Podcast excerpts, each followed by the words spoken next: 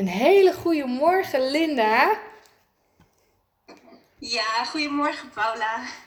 Wat superleuk dat je aanwezig wilt zijn in de podcast over ziekte en genezing. En ehm, ik moet zeggen dat ik dit ook weer een bijzondere vind, omdat ik, ik volg jou al een langere tijd op social media. En al jouw teksten vond ik zo prachtig, vooral degene ja, die aanhaken op waar ik heel erg in geïnteresseerd ben, in heling en ziekte, gezondheid en ik dacht, ik trek de stoute schoenen aan. Ik stuur jou gewoon een berichtje. Zou je het leuk vinden om met mij uh, hierover in gesprek te willen? En hier ben jij. Dus dankbaar. Ja.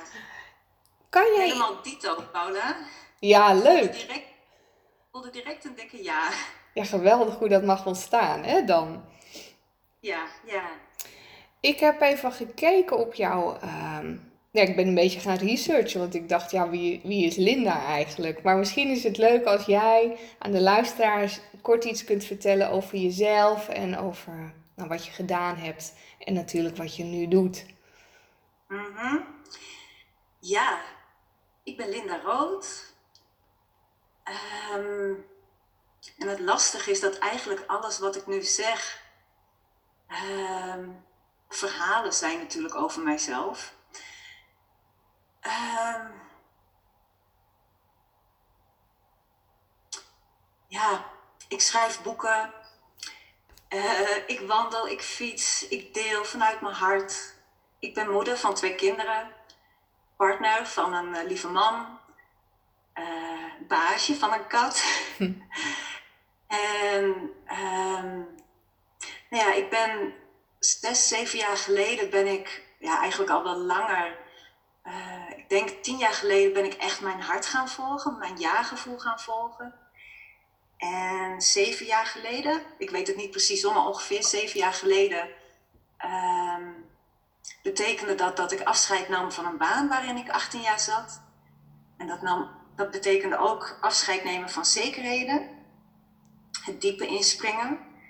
En eigenlijk doe ik dat nog steeds iedere dag en daarover deel ik. En ja, dat is een, een magische, verdiepende reis geworden.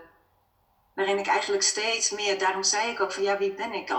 Als ik dat zeg, dan zijn dat verhalen. Want wat ik juist merkte toen ik in het diepe sprong, uh, was dat iedere dag meer van die verhalen doorzien worden en op mogen lossen. En daar liggen natuurlijk ook raakvlakken met, met het thema van vandaag. Hè, van wat is ziekte en hoe kijk ik naar ziekte en gezondheid? naar ziekte en genezing, heling. Uh, nou ja, daar komen we straks vast nog op. Ja, prachtig. Ja, want jij zegt inderdaad, ik ben in het diepe gesprongen en ik ben mijn hart gaan volgen. En het zijn wel teksten die je heel vaak voorbij ziet komen. En het lijkt zo makkelijk, hè? Van volg je hart, want dat klopt. Dat is dan zo'n welbekende uitspraak. Ja. Maar dat is niet in één keer van, hup, ik maak de sprong. Dus hoe ben jij, hoe heb jij, ik vind het altijd wel heel veel lef vragen. Hoe heb jij het lef gehad om die sprong toch te, te maken, te wagen? Ja, nou het bijzondere is, ik ben absoluut niet, ik, ik zie mijzelf niet als iemand met heel veel lef, maar als, als je kijkt naar wat ik doe, dan, dan zou het er wel zo uit kunnen zien. Het, het leven heeft dit voor me gedaan. Dus het, het leven, ehm, wat het voor mij steeds vraagt en gevraagd heeft, is om trouw te zijn aan wat ik van binnen voel. Dus dat is wel, ja, dat vraagt wel een bepaalde moed of lef misschien. Maar ik heb dat met angst en beven gedaan en bibberend. En, uh, dus het was niet zo dat ik zonder angst sprong. maar het was uh, juist eerder dat er angst er mocht zijn en dat, dat ik mijn hart ook opende voor de angst. En wat er gebeurde was dat ik, ik gewoon heel klein begon.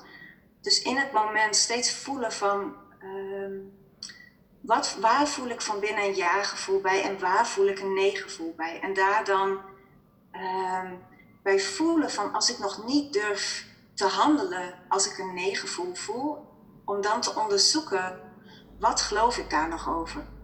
Want wat ik ontdekte was dat iedere keer wanneer ik niet trouw was aan dit ja en over mijn grenzen ging, dat kwam omdat ik iets geloofde over mijzelf en het leven, uh, wat mij binnen bepaalde kaders hield, binnen bepaalde veilige zekerheden, ook al waren die helemaal niet prettig. Nou ja, en het leven hielp mij dat hoe meer ik ja zei en naar ja luisterde, uh, ging het leven mij ook helpen. en, dat, en die hulp ziet er op het oog niet altijd uh, prettig uit. Ik denk dat je dat, nou ja, dat, dat iedereen die, die een wake-up call krijgt, die kan dat denk ik uh, beamen. Die ken jij ook wel. Uh, het leven hielp mij door veranderende werkomstandigheden te geven die heel ehm, onveilig waren, onprettig waren die, daar waar ik eerder vanuit mijn hart zeg maar, mensen kon begeleiden. Ik werkte als maatschappelijk werkster en therapeut. Uh, werd er, kantelde het, het maatschappelijk werk uh, kantelde en ik moest steeds meer regie gaan voeren. Dus dat wat ik juist niet wilde, namelijk controle, beheersing, regie, moest ik steeds meer doen. Nou, dat, dat, dat kon ik helemaal niet meer. Dus het leven hielp mij echt van, ja Linde, wat, wat ga je nou doen? Blijf je nou luisteren naar die controlemechanismen in jezelf, de conditioneringen, hoe je de angst en hoe je hebt leren overleven? Of ga je dat onder ogen komen? Open je voor die angst? En wat geloof je daar nog over? En kom je dat onder ogen? En uh, nou ja, wat ik leerde was om daar doorheen te gaan kijken. En te voelen, te verwerken en mee te zijn. Ja. Dus op die manier ontvouwde het pad zich. Ja, dat zag ik ook echt heel mooi. Ik had het ook even opgeschreven. Dat jij uh, iets heel moois hebt ontwikkeld. En dat noem jij vragen naar vrijheid. En uh-huh. ik, ik, ik vind dat zo prachtig, omdat ook dat is een patroon dat ik nu de afgelopen weken tijdens de gesprekken die ik heb mogen voeren, dat het mij ook hierin opvalt dat jij eigenlijk zegt van het stelt je op een hele eenvoudige manier in staat om beperkende gedachtenpatronen en overtuigingen te doorzien en te onthaken. En ja. van daaruit ontstaat dan een heling en een verwerking van daarmee verbonden oud zeer. Uh-huh. En kun je daar iets meer over vertellen over de vragen naar vrijheid? Want uiteindelijk denk ik dat zoveel mensen daarnaar, misschien onbewust, maar ook wel bewust, naar op zoek zijn. Om niet meer te leven zoals jij dat net zo mooi zegt, in een, in een vast kader van het denken, van de mind. Mm ja, ik, ik, was, uh, ik, ik was al een poosje het ja-gevoel in mijzelf aan het volgen. En ik begeleidde daar ook mensen bij. Uh, die ook zeg maar hun hart wilden gaan volgen. En wat me dus opviel was dat uh, mensen kwamen een heel eind, maar er waren patronen waar Ehm, net zoals een groef in een LP waar ze steeds weer in terecht kwamen. En ik zelf ook. Ehm, en ik wist wel dat het met overtuigingen te maken had. Dat had ik ook wel van spirituele leraren gehoord. Um, uh, nou, ik had bijvoorbeeld wel de helende reis gevolgd van Brandon Bees. Dus ik wist wel een beetje ongeveer hoe en wat. Maar alle methodes die ik tot, dat, tot dan toe had gevolgd, zelfs uh, de work van Byron Katie ze waren um, helpend, ook wel helend tot op een bepaald niveau, bevrijdend. Hè. De, work vond ik echt wel ook bevrijdend. Maar wat ik zocht was een combinatie van um, zelfbevrijding en zelfrealisatie. En voor mij is zelfrealisatie onmiddellijk. Dat, dat kan iedereen in het moment voelen. Je heelheid voelen, dus dat je al heel bent.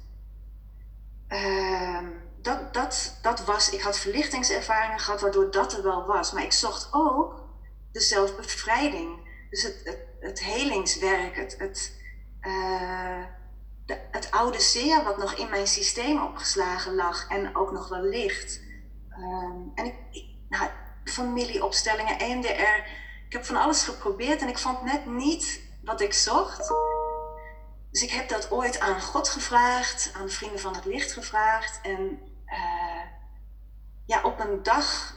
Uh, uh, het was echt. Het is een hele simpel, simpel voorbeeld hoor. Ehm, ik was leesmoeder op de basisschool voor mijn kinderen. En ik had daar een dik nee-gevoel bij. Ja, het was maar, maar nog geen half uurtje in de week. En, um, en mijn hoofd had echt zoiets van, nou, waar maak je je druk over? Dat kun je toch wel even doen. Als je dat niet eens kan opbrengen, half uurtje in de week, waar hebben we het over? Maar dat nee-gevoel groeide en groeide en groeide. Uh, dus dat half uurtje stond al lang niet meer in verhouding tot de energie die het kostte de rest van de week. En op een dag uh, ben ik gaan zitten in, in onze slaapkamer. Uh, en ja, en ik, ik zat hiermee in, in te worstelen. En ik, ik kan niet goed uitleggen hoe het precies kan, maar op een of andere manier opende ik, brak ik.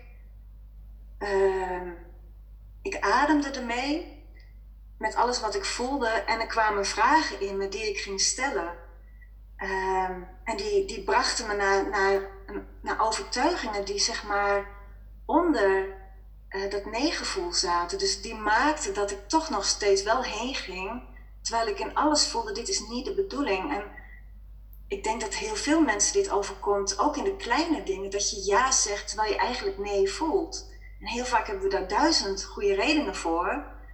Maar als je ze goed onderzoekt, dan, dan zijn ze allemaal gebaseerd op angst, op pijn. Uh, bij mij was de, de kernovertuiging, je bent liever lui dan moe. Die heb ik ooit als kind uh, mezelf aangeleerd. En het was zo bevrijdend om die onder ogen te komen. Ah, ik geloof dat ik liever lui dan moe ben. Is dat zo? Wil ik dat nog geloven? Nee, natuurlijk niet. En toen ik hem onder ogen kwam, echt, dus op, uh, want je kunt het mentaal onder ogen komen, nou dan, dat, dat ken je, dat is een soort innerlijke dialoog, die gaat alleen maar in cirkels. Um, maar wanneer je vanuit waar je al heel bent, dus waar we heel zijn, de overtuigingen onder ogen komt, dan kunnen ze gewoon niet meer blijven bestaan, dan doorzie je ze. Uh, en dat was de laag, omdat ik gewoon gebroken, hè, ik brak gewoon open, dus dat was de laag van waaruit ik overtuigingen doorzag. En toen ze oploste, kwam de vraag in me op: oké, welke uitspraak is voor mij nu helpend in de periode dat er een nieuwe balans mag ontstaan? Nou, ik weet niet meer wat de helende uitspraak was. Geen idee, maar het zal, zal iets vast in de trant zijn geweest van uh, ik mag nee zeggen of het is oké. of ik, ik, weet niet meer precies wat het was. Maar uh, ik ben toen gestopt op een hele natuurlijke manier, want het leven ging ook daar weer bij helpen. Met leesmoeder zijn, uh, waardoor ik toen op dat moment, toen werkte ik nog, had ik veel meer tijd om bijvoorbeeld gedichtjes te delen, waar mensen uh, eigenlijk veel, hè, veel meer mee resoneerden. Dus het leven, de, tijd, uh, daarbij mijn hoofd dacht van, oh, maar ik moet nuttig zijn en ik moet die kinderen helpen, wie A zich moet bezigen. Bleek het zoveel heilzamer voor iedereen als ik, als ik gewoon naar mijn ja en nee luister en deel vanuit mijn hart. Ja, ja, mooi. Wat, wat ook wat een mooi voorbeeld. En ik denk ook voor heel veel mensen heel herkenbaar dat het van die kleine dingetjes kunnen zijn die energetisch of gewoon zoveel energie van je vragen. Omdat je ook mentaal dus um, nou ja, eigenlijk met jezelf ook dus letterlijk in conflict bent met. Ik hoor jou net zeggen vanuit de heelheid, dat het daar heel anders is dan, dan vanuit je persoonlijkheid, van wat je, wie je denkt dat je bent te zijn. Ja.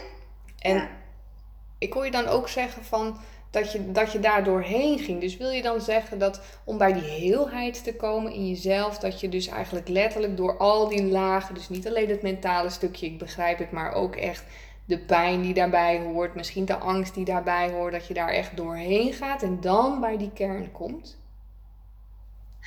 Um, nou, wat, het, uh, uh, wat het is, is dat je als het ware een shift maakt van vaak uh, identificeren we ons met onze gedachten, met wat we voelen en dan worden we dat als het ware.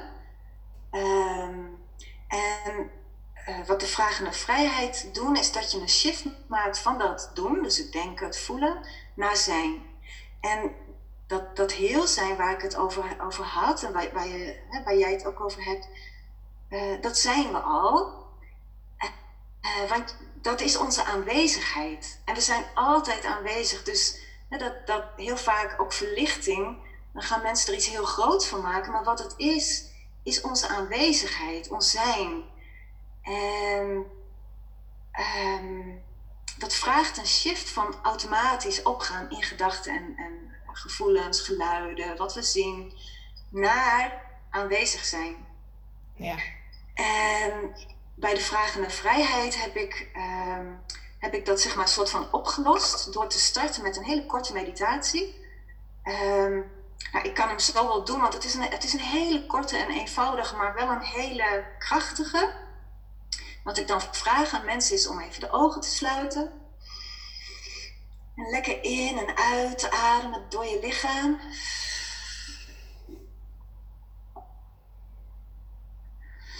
En alles op de uitademing los te laten wat voor is gevallen. Alles wat achter je ligt.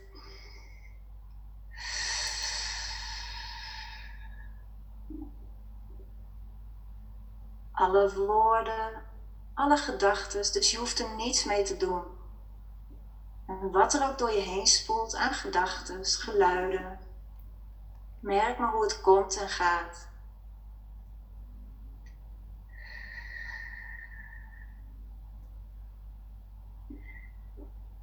En stel je dan voor dat je door je hart kunt ademen. En adem dan nu in en uit door je hart.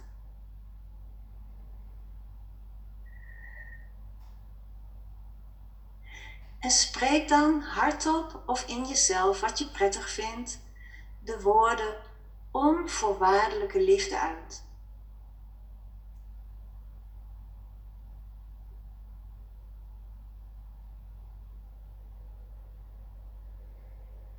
Onvoorwaardelijke liefde. En de trilling die met die twee woorden verbonden is, verspreidt zich nu via je hart en je bloedsomloop naar iedere cel van je lichaam. Zodat al je cellen baden in die onvoorwaardelijkheid. En via je hartchakra verspreidt het zich door je hele energiesysteem, zodat je nu in een koepel van onvoorwaardelijke liefde zit. En alles, alles wat hierin verschijnt, is aanvaard is heel, is geliefd. Ook dat wat je met de persoonlijkheid uh, misschien nog afwijst, wat je misschien nog moeilijk of pijnlijk vindt. In die onvoorwaardelijke liefde, in die koepel waarin je nu zit, is alles aanvaard en geliefd.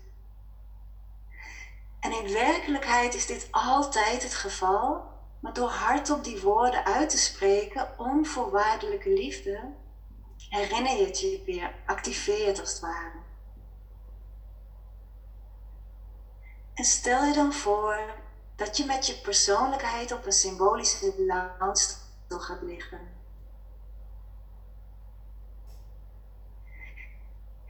Heerlijk achteroverliggend. Ja, dat wat je hart doet kloppen. Dat wat jou ademt. Ook wanneer jij naar bed gaat en gaat slapen.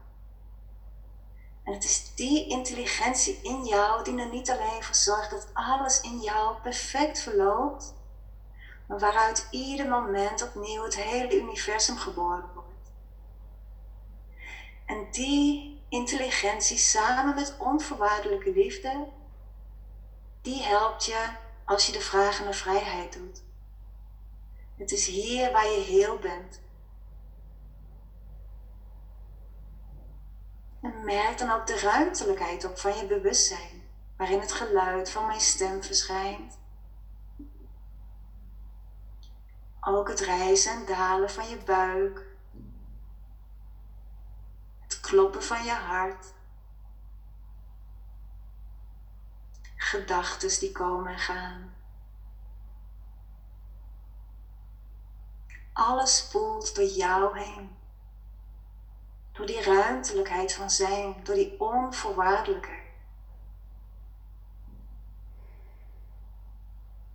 En wat je nu hebt gedaan is een shift maken van opgaan in de gedachten, in de gevoelens, naar merken dat ze allemaal door jou heen spoelen.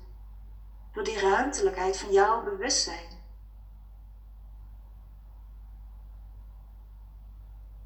En een van de eigenschappen van bewustzijn is die onvoorwaardelijke liefde. Je noemt dat ook wel een zijnskwaliteit. En een andere zijnskwaliteit is bijvoorbeeld overgave, geduld, vertrouwen.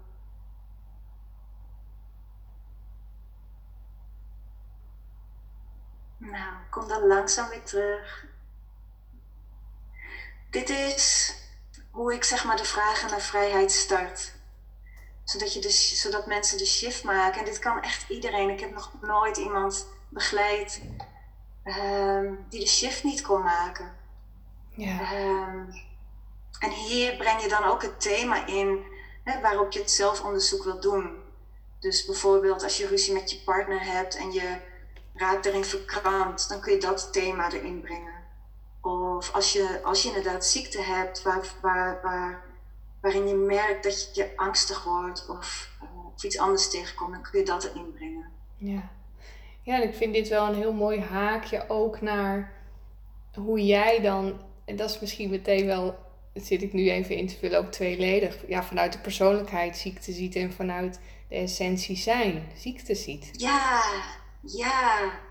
Ja, want nou ja, ter voorbereiding op, op dit gesprek zat ik, hè, was ik aan het bezinnen uh, op ziekte en gezondheid, genezing.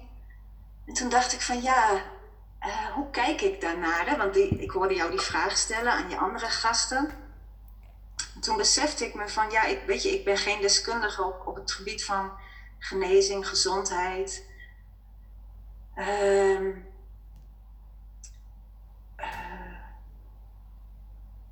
voor, mij draait eigenlijk alles om heling. En inderdaad, wat jij nu zegt, ehm, als ik verstoringen heb op lichamelijk niveau, als ik ziekte tegenkom, dan, uh, dan gaat het mij vooral om hoe ga ik daarmee om. En ik beschouw het dan graag als een spiegel om te kijken van ben ik, uh, ben ik hier nog gefragmenteerd? Ben, ben ik hier nog in een deeltje? Of kan ik, ben ik hierin heel? En voor mij gaat het allemaal om dat heel zijn. En van daaruit, als ik merk dat er nog stukjes in mij verkrampt zijn, ehm, niet heel zijn, om daar dan de heling in te brengen. Puur door vanuit heel zijn dat stukje te ontmoeten. Ehm, als ik schrijf, dan noem ik dat vaak zijn met wat er is. Dat, dat is heb ervaren dat het zo helend is. Dus de vragen zijn helend, maar ook ehm, alleen al gewoon het zijn met wat er maar is. Of dat nu ehm, een emotie is die ik voel, of een lichamelijke pijn, of ehm, iets wat stuk is in mijn lichaam bijvoorbeeld, om, om daarmee te zijn, het te voelen. En dan komen er ook bijna altijd verhalen, angstig gekleurde verhalen van, oh stel je voor dat dit volgend jaar nog is, dat het niet overgaat. Of ik ben een loser dat ik, dat ik niet, uh, dat mijn lichaam hapert. Uh, nou, dat kan van alles zijn wat, wat, wat er nog aan innerlijke overtuigingen vast kan zitten aan, uh, aan lichamelijke pijn of aan ziekte.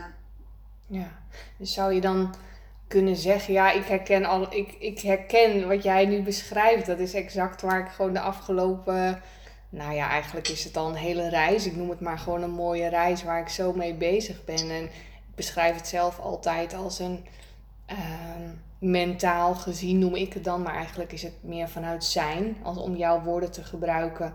Zie ik mezelf dus als heel. En daar koppel ik het woord dan gezond aan, omdat ik een diagnose MS heb. Um, en het, is, ja, het lijkt alsof het een soort tweedeling is tussen het bewustzijn dat je dus een persoonlijkheid hebt die gevormd is op allerlei verhalen, dingen die er gebeurd zijn, waar je nog in gelooft. En inderdaad de essentie zijn. En wat ik zelf de allergrootste uitdaging vind, is eigenlijk te merken dat ik daar nog, en ik denk eigenlijk ieder met ons, want we zijn mens, uh, ja. tussenin geslingerd wordt. Dus het ene moment kan ik, wat jij net doet tijdens de meditatie, kan ik daar volledig in zijn en ben ik eigenlijk leeg van de verhalen. En dat geeft zoveel vrijheid, letterlijk, omdat je kunt dan alles doen. Want er zit niet een stemmetje op je schouder dat zegt van nou, als je dat doet, dat, dat past niet. Of weet je wel, van zoals als ik, dat ik jou benader, dat doe ik vanuit een gevoel. Ja, jij, zoals jij het zegt, het ja-gevoel.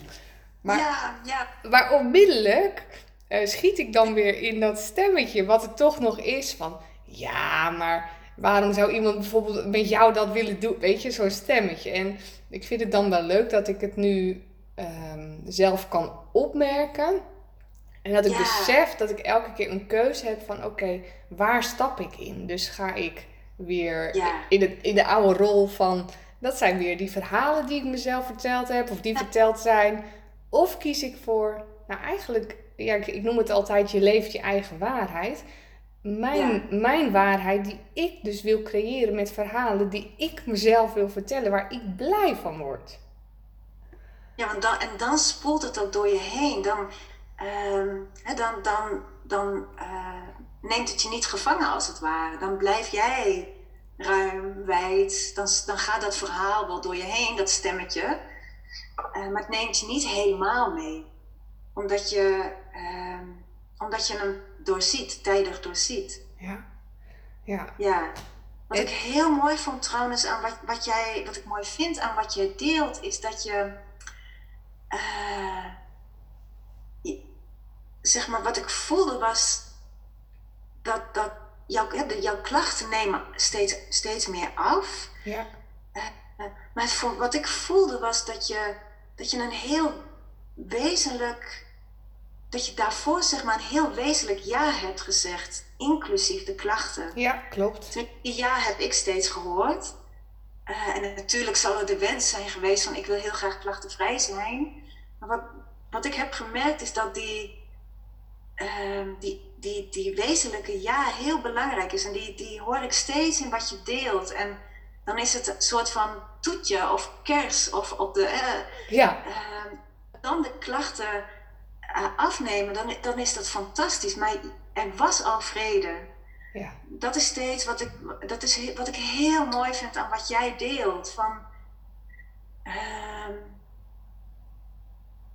want soms eh lossen ziekte bijvoorbeeld niet op. En, maar en- want dat hangt van, het ziel, van de bedoeling van de ziel af en van het zielenpad. Zoals Ramdas.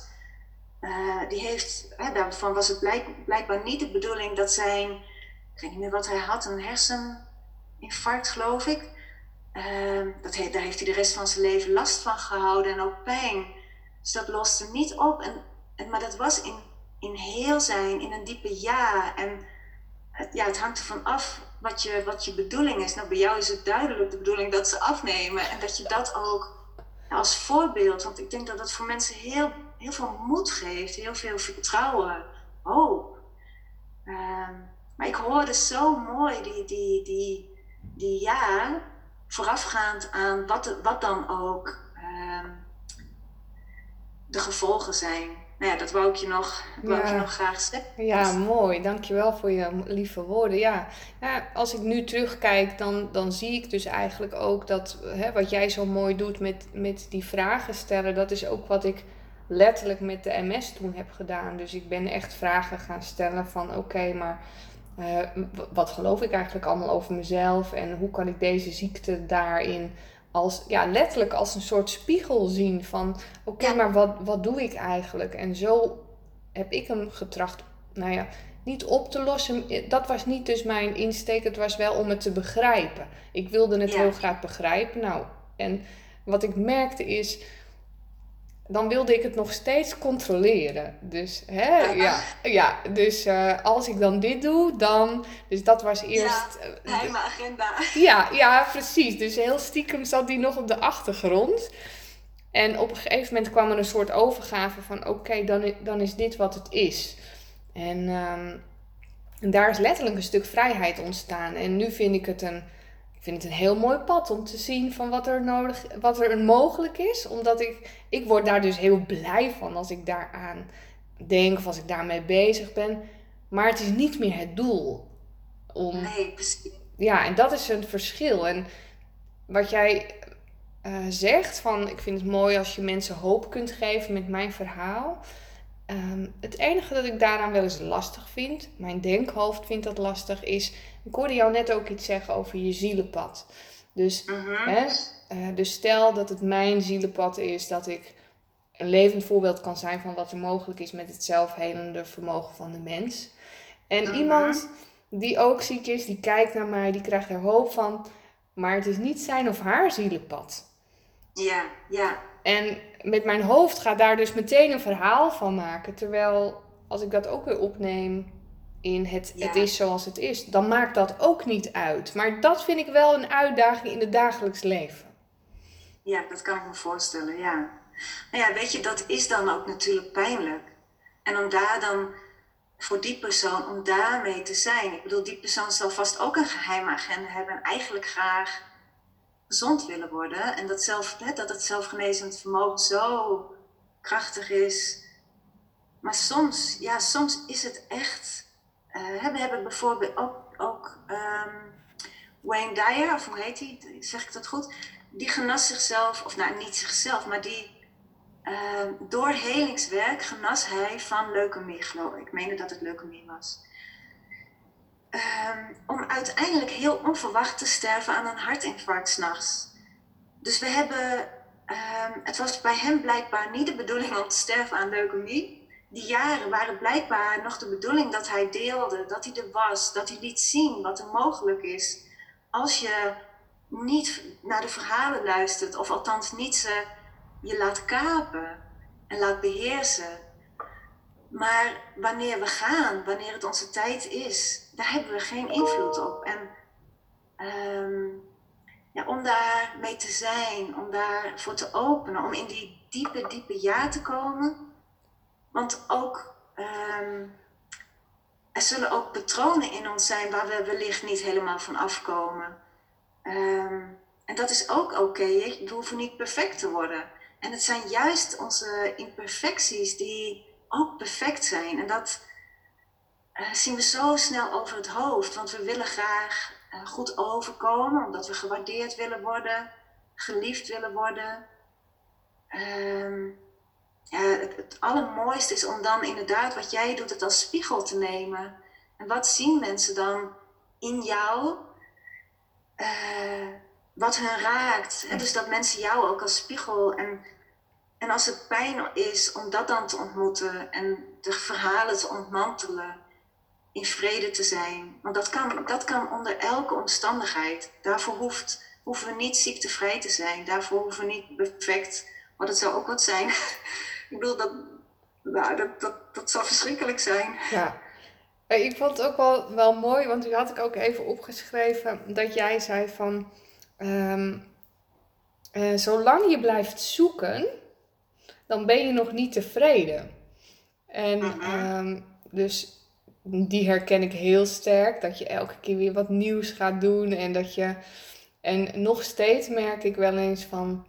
Hè, dus als het leven echt je le jouw leermeester is, zo schreef jij dat, van laat het leven jouw leermeester zijn, dan vindt mijn hoofd, die vindt dat eigenlijk maar gewoon heel saai. Die denkt echt van ja, maar ik kan, ik kan toch niet gewoon opstaan en zien wat de dag mij brengt en hoef ik dan geen doelen meer en geen plannen en en dat, dat vergt zoveel overgave. Ja, ik, oh, ik ben zo blij dat je dit zegt, want dit is iets wat mensen onmiddellijk tegenkomen wanneer ze uh, horen dat leven vanuit zijn mogelijk is. Uh, nou, ga je dan de hele dag op de bank zitten? Ja. Doe ik dan niks meer? Haal ik mijn kinderen dan niet meer van school? Ja.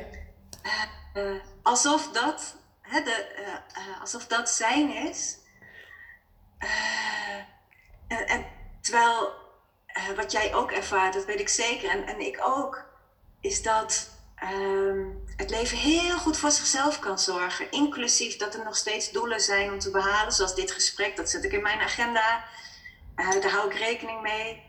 Uh, toen onze kinderen nog op de basisschool zaten, ging ik gewoon naar school en haalde ze van school. Ja. nog, dat, wat ik merk is dat juist omdat ik uh, open voor wat er is. Ook eh, bijvoorbeeld de verjaardagen van mensen.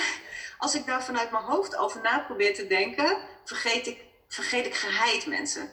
Maar door het over te, te geven en gewoon te leven vanuit zijn, merk ik dat precies op het juiste moment ik toevallig op de kalender kijk en zie, oh, morgen is die en die jarig.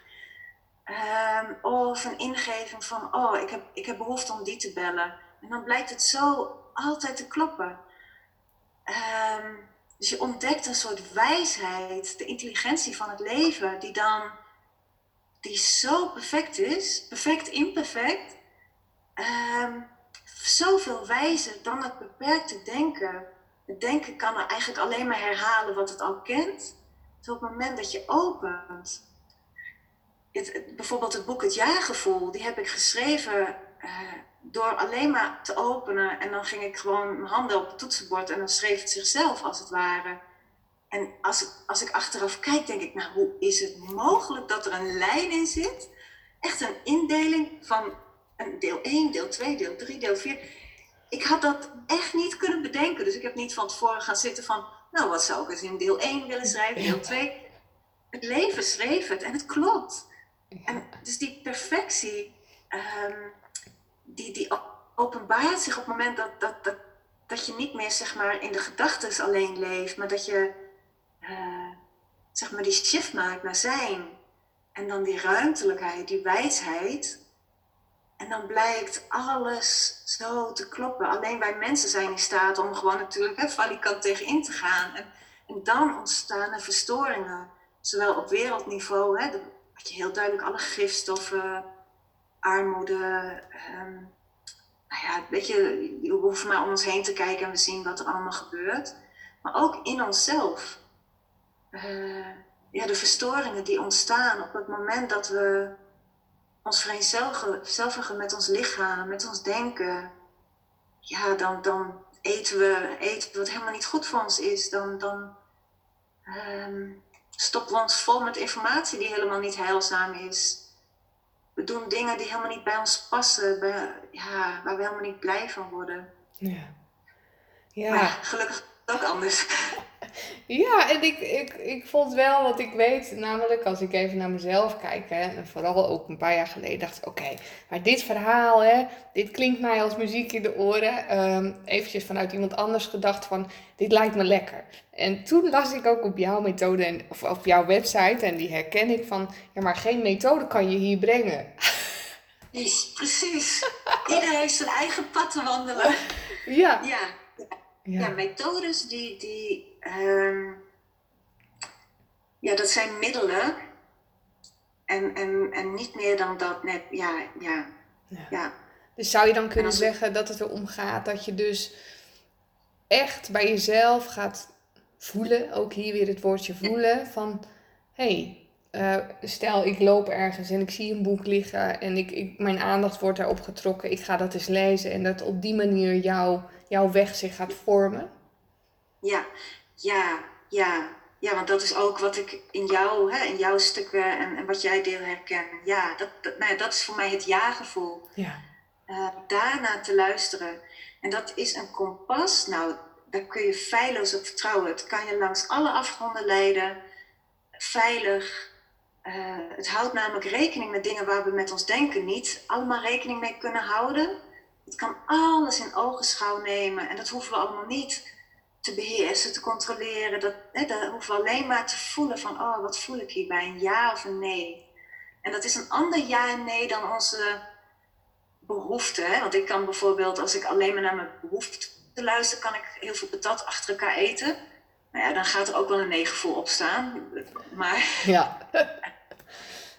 een ja-gevoel is een, een soort diepe weten van ja, ja, wat jij inderdaad zegt. Je loopt ergens langs, je blik valt ergens op en je weet gewoon van binnen, ja, goh, hmm, volgens mij resoneer ik hiermee. Ja. Misschien uh, ja, prachtig.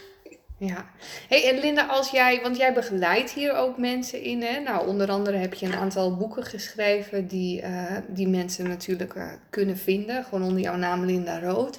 En daarnaast mhm. geef jij ook workshops en korte meditatie, zag ik voorbij komen. Dus waar kunnen mensen meer over jou vinden? Omdat ze wanneer een eerste stap, of misschien wel al een tweede of mhm. derde stap.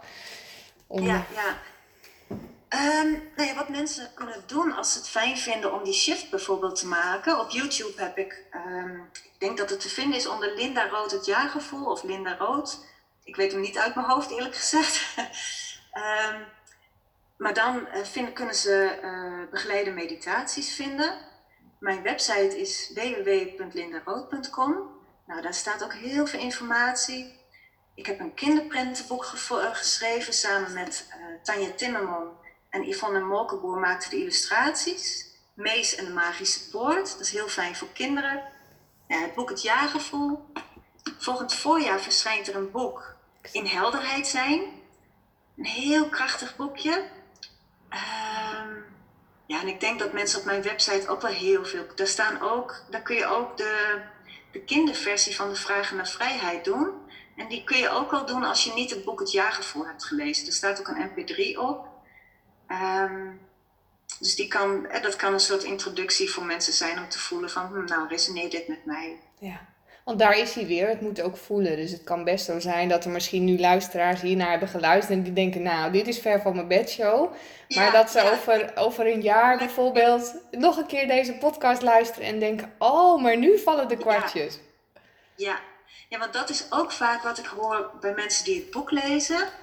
Eh, dat ze hem verschillende keren lezen en dat iedere keer als ze lezen een nieuwe laag zich opent. Ehm, en dat, dat bijvoorbeeld als je het eerst alleen mentaal hoort, dat je iets heel anders hoort dan wanneer je al een beetje je hart naar je hart luistert en je hart gaat volgen, dan hoor je weer hele andere dingen, dan vallen weer hele andere dingen op. Ja.